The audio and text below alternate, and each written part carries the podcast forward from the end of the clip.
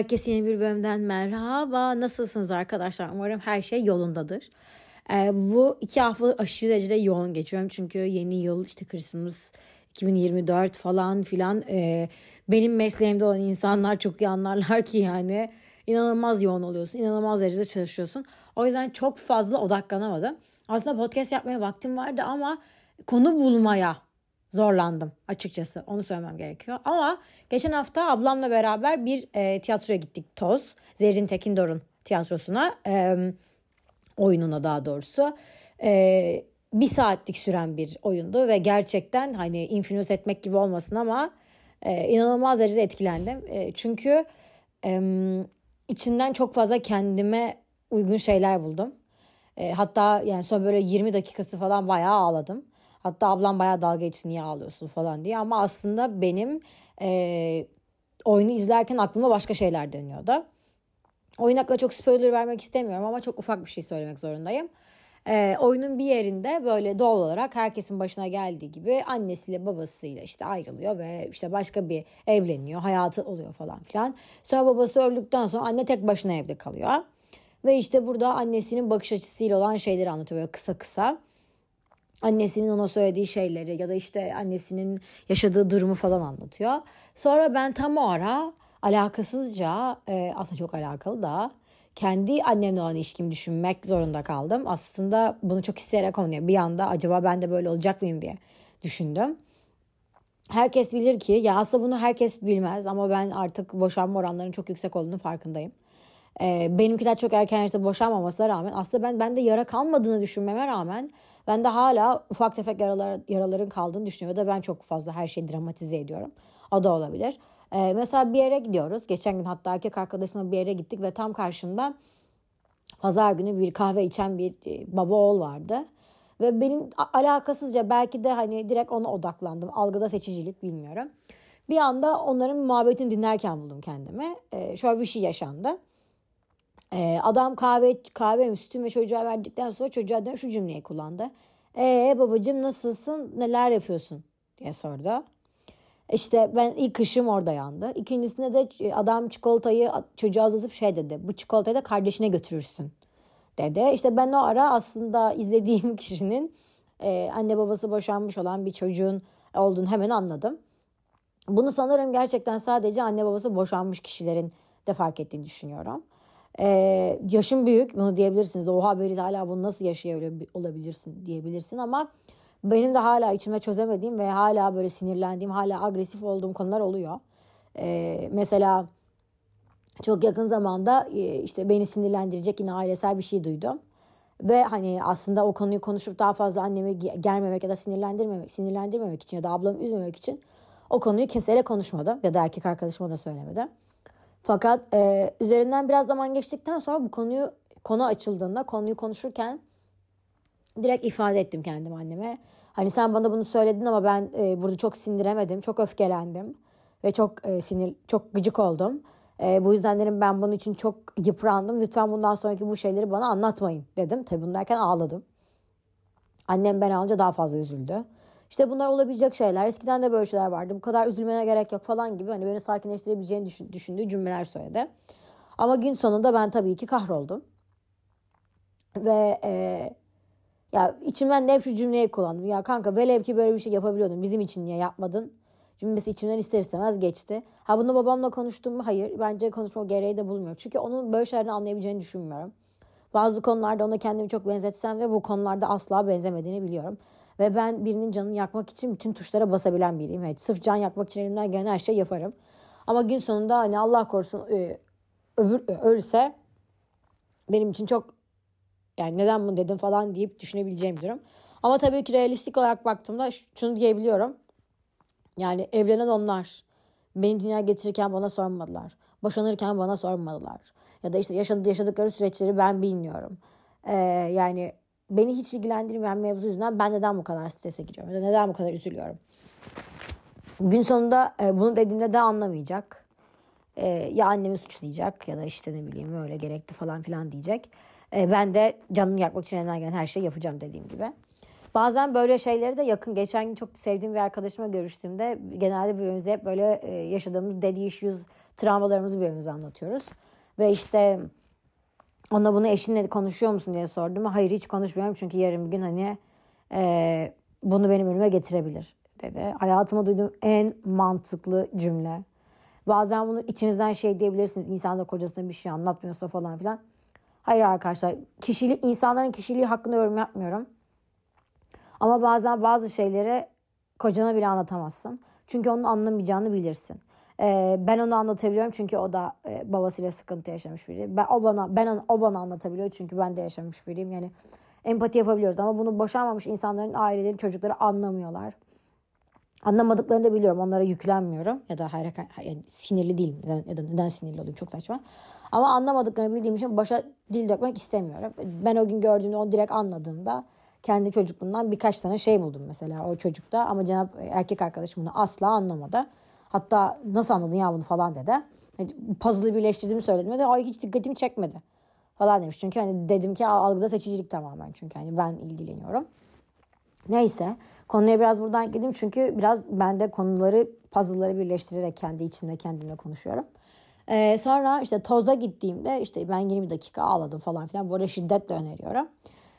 Ve şöyle bir şey yaşandı. Ee, ben dedim ki hani neden ağlıyorum acaba bunu? Ya bir yandan izliyorum ama bir yandan da düşünüyorum. Çünkü ağlamam için bir sebep olmaması gerekiyor. Ben çok sağlıklıyım. Allah'ıma binlerce kez şükürler olsun. Hayatım çok normal ilerliyor. Tabii ki bazı yerlerde çok kötü hissediyorum. Bazen çok rahatsız hissediyorum. Yani Allah herkese gerçekten söylüyorum bunu. Sağlık verdikten sonra bu hayatta çözülmeyecek hiçbir şeyin olduğunu düşünmüyorum. Hani gerçekten sağlık bu dünyadaki en önemli şey. Çok üzgünüm ama gerçekten öyle. Neyse konumuz bu değil. Neyse işte kendi içime düşünüyorum. Diyorum ki ya Beril her şey tamam sen niye bu kadar üzüldün? Sonuçta annen de yanında sağlıklı, baban da sağlıklı falan. Ama sonra ben fark ettim ki ben gittiğimde annemin tek başına kalacağını düşündüm. Aslında herkesin ailesi bunu yaşıyor bu arada. Yani benim kendi öz akrabalarımdan da boşananlar var ve işte ya da çocuklarıyla artık ayrı yerlerde yaşayanlar var falan filan. Ama ben sonra ya benim annem inanılmaz derecede akıllı bir kadın. Öncelikle bunu söylemem gerekiyor. Annem inanılmaz derecede saygı duyduğum biri. Yani bence belli bir yere okumuş okumuş olmasına rağmen her şeyi çok iyi yapabiliyor. Sadece ben de çok tükendiğini hissediyorum. Özellikle yıl geçmişin verdiği tükenmişlik onda çok olduğunu düşünüyorum. O yüzden mesela ne ya şu kursa gitsene falan dedim istemiyor. Şunu yap diyorum istemiyor. Bunu yapalım diyorum istemiyor. Yani genel olarak istemiyor. Çok sosyal biri olmak istemiyor. Bir sürü arkadaş var da. Hani genel olarak çok sosyalleşmek istemiyor bence. Benim düşüncem bu. Ve gün sonunda hani herkes kapısını kapattığında işte karı koca aynı evde yaşıyorlar falan filan ama benimki tek başına kalacak falan. Ve bu beni aşırı derecede üzdü ve çok çok çok yıprattı. Çünkü eğer sallıyorum hani başka uzak bir yerde otursam annemin uzak bir yerde otursam annem hep diyor ki ya sana yakın gelirim ya ablana yakın giderim diyor. Hani uzakta kalmam diyor sizden. Aslında da çözüm yolu var. Annem yine yalnız kalmayacağını söylüyor. Ama ben yine de içimden ister istemez çok öfkelendim babama yani. Çünkü bu tamamen onun yüzünden oldu. Aslında tamamen o da aslında gün sonunda o da yalnız başına. O da mesela annemin yanında şu an ben varım ama onun yanında kimse yok. O tek başına tıkalıyor. Tek başına yaşıyor.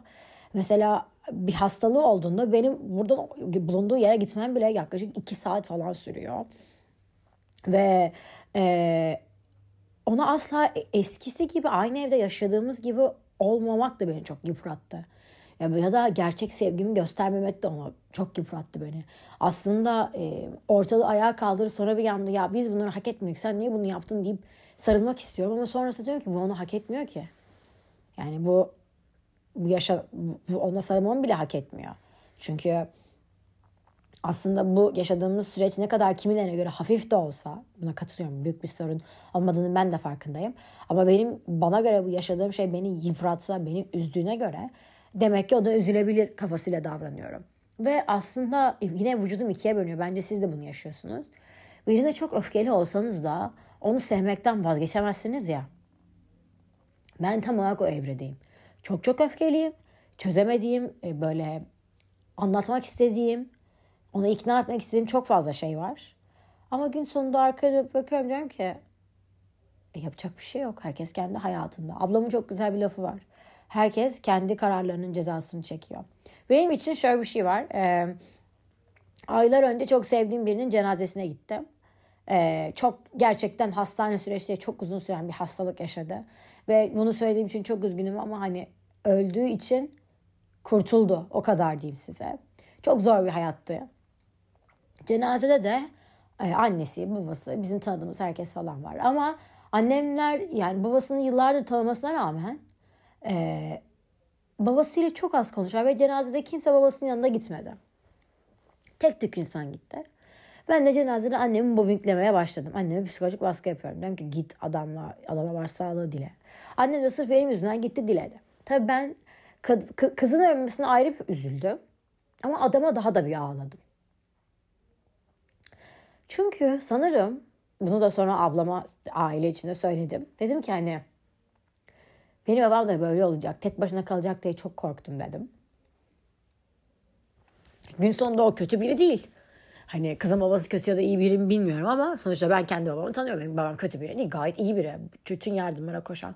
Herkesin gereksiz yere yardımına koşan biri hatta. Kendini çok değersiz hissettiren biri bence. Ama cenazenin dışında bir de sadece buna o kadar çok üzüldüm ki hani kimse gitmiyor. Onda kız ölmüş. Kimse yanında olmuyor. Ve hani üzücü bir şeydi açıkçası. Sonuçta ölen kişi sadece kadının kızı değil. Tabii ben bunu ağlarken ablam, sevgili canım ablam bir sinirlendi ve bana bir anda bağırdı.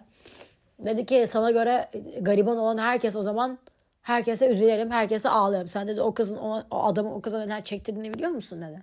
Onun o hale gelmesini belki hastalıklarla mücadele etmesinin sebebi bile o adam. O kadar yordu ki onu psikolojik o kadar duygusal o kızı yalnız başına bıraktı ki dedi. Ona neler neler yaptı dedi ve hani birçok şeyini anlattı özel dünyasına girmemi insanların. Ve e, bunu söylediğinde evet gerçekten. Sonra bana dedi ki asıl burada üzülmen gereken kişi kızın annesiydi dedi. Bütün süreçte annesi yanındaydı. Hayatı boyunca her zaman onun annesi destekledi dedi. Ve babası onu yalnız başına bıraktı dedi. Yine yanında annesi vardı dedi. Annesi iki kat güçlü olmaya çalışıyor dedi. Bir de üzerine kızını kaybetti dedi. Ve sen yine gidiyorsun sırf babası gariban gözüküyor. Sırf babası kötü durumda diye babasına üzülüyorsun dedi. Sen de de acilen bunu farklılıkları çözmen gerekiyor. Bazı insanlar hayatta yaşadıkları şeyleri mecbur yaşadılar. Yaşamak zorundalardı. Çünkü hayatın Allah'ın adaleti buydu. Kimin canını yakarsan bir gün senin de canın yanar dedi. Çok doğruydu. Gerçekten o kadar doğru bir bakış açısıydı ki yani bakmayın şu an ağladığıma. Çünkü bazen gerçekler acıdı ve ben oha dedim ki evet doğru. Evet doğru. Ben benim canım, canımı kim yaktıysa belki annem belki babam ya sonuçta ben istemedim bu karar vermelerini. Ya da işte e, tırnak içinde bizim ailede eskiden hep öyle derlerdi. Hırlı dursaydı da gitmeseydi ya da hırlı dursaydı da işte action yaşamasaydı. Ve gün sonunda evet doğru. O iyiydi de başka bir sıkıntı mı? O bu kararı verdi ve kendi gitmek istedi. O zaman kendi kararlarının sonuçlarına katlanmak zorunda. Ben bazen dalga geçiyorum ki hani e, haberin olsun diyorum. E, yaşlanınca falan ben bakmam yani. Aslında bunu derken tabii ki bakacağım biliyorum. Ama bakmak istemiyorum çünkü ya sanki anneme haksızlık yapıyormuşum gibi geliyor. Çünkü hani benim bütün stresimi annem çekti. Ee, hasta oldum annem yanımdaydı. İşte ameliyat oldum annem yanımdaydı. Ya da ne bileyim bu duygusal olarak kendimi kötü hissettim annem yanımdaydı. Ağladım annem yanımdaydı. Tabii ki babamı isteseydim babam da yanımda olurdu. Bunu bazen böyle cin gibi anlatıyorum ama gerçekten böyle biri değil. Ama hissettiği duygular tam olarak böyle yani ve hani ben tabii ki öncelikle annemin yanında olmam gerekiyor. Çünkü o, o her zaman bana emek veren kişi oydu. Her zaman da zaten bence evliliklerde de boşandıktan sonra da e, çocuk annenin çocuğu oluyor. Yani çok yüzdelik bir oran babaların iyi çıkma oranı. Gerçekten söylüyorum bunu. Çevremdeki herkes için bunu söylüyorum. Ben şanssız olabilirim ama şanslı olanlara baktığımda da genelde en ufak hepsinin babasında bir sıkıntı, annesinde bir sıkıntı var. Bunu kabullendim mi? Hayır daha kabul edemedim. Yaşım ne kadar büyümüş olursa olsun. ya Yaşıtlarım evlendi, çoluğa çocuğa karıştılar arkadaşlar yani. Ama hala benim çözemediğim veya kinlendiğim durumlar var. İşte tam olarak o e, o e, oyunda, tiyatro oyununda ben aslında bunu düşünürken bir yandan da ne kadar çok böyle derin derin duyguları derin duygulara girdiğimi düşündüm. Ya da mesela benim e, çok uzun süre kolum ağrıdı arkadaşlar. Gerçekten çok uzun süre kolum ağrıdı.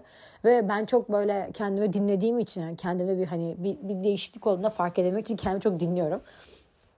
Uzunca bir süre kimse beni dinlemedi. Evdekiler hani dediler ki yok ya bir şey olmamıştır falan filan. Sonra ben MR'a girdim ve gerçekten kolumun bir tarafının e, incindiğini gördüm. Ama gerçekten incinmiş yani. E, hafif bir şey değil de. Sonra arkadaşlar şöyle bir mevzu yaşandı. İşte ben doktorumla bunu konuşurken bana dedi ki yani böyle ağır bir spor mu yapıyorsun? Yok dedim yapmıyorum. Hani evet tabii ki spor yapıyordum ama hani o kadar ağır bir şey yapmıyorum. Kendimi hırpalayacak bir şey yapmıyordum. Sonra dedi ki, sonra dedim ki yani fark eder miyim ama ben dedim damacanayı tekte taşıyorum. Nasıl yani dedi doktor. Erkek bu arada doktorum. Dedi ki nasıl yani? Dedim ki evet damacanayı tek başına taşıyorum dedi. Çünkü annem hani pis olduğu için damacana öyle yerlerde sürmemize falan asla izin vermez. Gayet kaldırıp işte e, sebilini oraya koyuyordu. Sonra doktor bir anda yüzüme baktı dedi ki Beril ben erkeğim ve bunu ben yapmıyorum dedi. Sen dedi bunu bu kadar kendine yapamazsın dedi. Sonra üzerinden biraz zaman geçtikten sonra Zeynep ablayla bunu konuşuyorduk sanırım. Zeynep ablayla da psikoloğumla konuşuyorduk. Ona bunu anlattığımda tabii ki hemen aslında ben de kendine bunu yaptığımı biliyordum ama başka birinin söylemesi daha farklı oluyor. O da bana dedi ki Beril'cim sen annenin kocası değilsin. Artık bunun farkına var ve ona göre davran. Evet gerçekten gün geçtikçe ben fark ettim ki ben annemin kocası olmaya çalışıyordum. Yani annem bir yere giderken ona eşlik etmeye çalışıyordum. Annem alkol alacağı bir yere gidiyorsa ona şoförlük ben yapıyordum. Ben getiriyordum, ben götürüyordum. Ya da bir şey olursa annemin yanında ben destekçi olmaya çalışıyordum. Hani aslında evde olan kocanın yapabileceği her şeyi ben yapıyordum. Ve bir gün şey demişti işte bir hastalığı vardı annemin. E, hala da devam eden bir hastalığı var. E, ve işte o hastalığı asla bize söylememiş ama onun bulabileceği, onun bize söylemesi gereken bir hastalık. Çünkü dış görünüşte belli olan bir hastalık değildi. Sonra işte bunu bir gün arkadaşlarla konuşurken şey söyledi. İnsanın kocası eskiden kocam olduğu zamanlarda bunu ona anlatırdım hani. Ama dedi şu an kendime bile dertleşmiyorum dedi. Abi ben buna bir bozuldum. Bir bozuldum buna. Dedim ki nasıl yani anne dedim ben senin için her şey olmaya çalışıyorum dedim. Sen bana anlatabilirsin bunu dedim. Dedi ki sen yine de benim evladımsın dedi. Yani ben sana, benim sana ne kadar nazım geçebilir ki dedi. Ama eşin oldu dedi. E, her şeyi yaptırabiliyorsun dedi. Gün sonunda düşündüm evet ben kendi erkek arkadaşımı evli olmamıza rağmen her şeyi yaptırabiliyorum. Bence kendi aileme söyleyemediğim şeyleri bile, yapamadı, yaptıramadığım şeyleri bile sırf sevdiğimiz için birbirimizi yapıyoruz. Ve evet aslında annem de bu konuda çok haklıydı. Ama tabii duyunca e, ilk, ilk başta insan çok daha duygusal bir hale geliyor ama ben artık bunu kabullenerek yaşıyorum. Ben annemin kocası değilim ve de annemin benden öyle bir beklentisi yok. E, ben bence kendimi belirli hmm, belirli kılıfların içine sokmaya çalışıyorum. Belirli şekilde davranmaya çalışıyorum onu mutlu etmek için. Ki benim annem öyle çok her şeyden hani mutsuz olan bir kadın. Daha çok her şeyden mutlu olan bir kadın. Benim aksime. Ama yine de o oyunu izlerken aklıma birden fazla şey düşündüm ve bunu asla kimseyle paylaşamadım. Hatta ablam dedi ki, ablam dedi ki bunu podcastında konuşacağım beni. Ne konuşacaksın ki bundan falan dedi. Dedim ki dinleyince görsün. Eminim dinleyince anlayacak ve düşündüklerime kızacak hatta hani bu kadar derin düşünme. Çünkü onlar bana bu kadar derin düşünmeni bana zarar verdiğini falan düşünüyorlar. Gün sonunda haklılardı. Eminim ki benim gibi düşünen birden fazla insan da vardır. Biraz derin bir konuşma oldu arkadaşlar. Çünkü bu, bu hafta böyle hissediyordum. Ve konuşmama çok ufak bir sıkıntı olabilir. Çünkü dudağımın üstünde çok böyle bir şeyler var. Ve o bir sesimde farklılık yaratmış olabilir. Şimdiden özür dilerim. Ee, eğer bana ulaşmak isterseniz Beril Su Kaygısız Instagram'a ulaşabilirsiniz ya da Kız Kıza Podcast hesabından ulaşabilirsiniz. Sizle konuşmayı çok seviyorum. Genelde bana attığınız her mesaja cevap veriyorum. Bugüne kadar cevap vermediğim mesaj yok. Onu söyleyeyim. Çünkü böyle önem veririm. Ee, neyse dinlediğiniz için çok teşekkür ederim. Bir sonraki bölüme kadar kendinize cici bakın.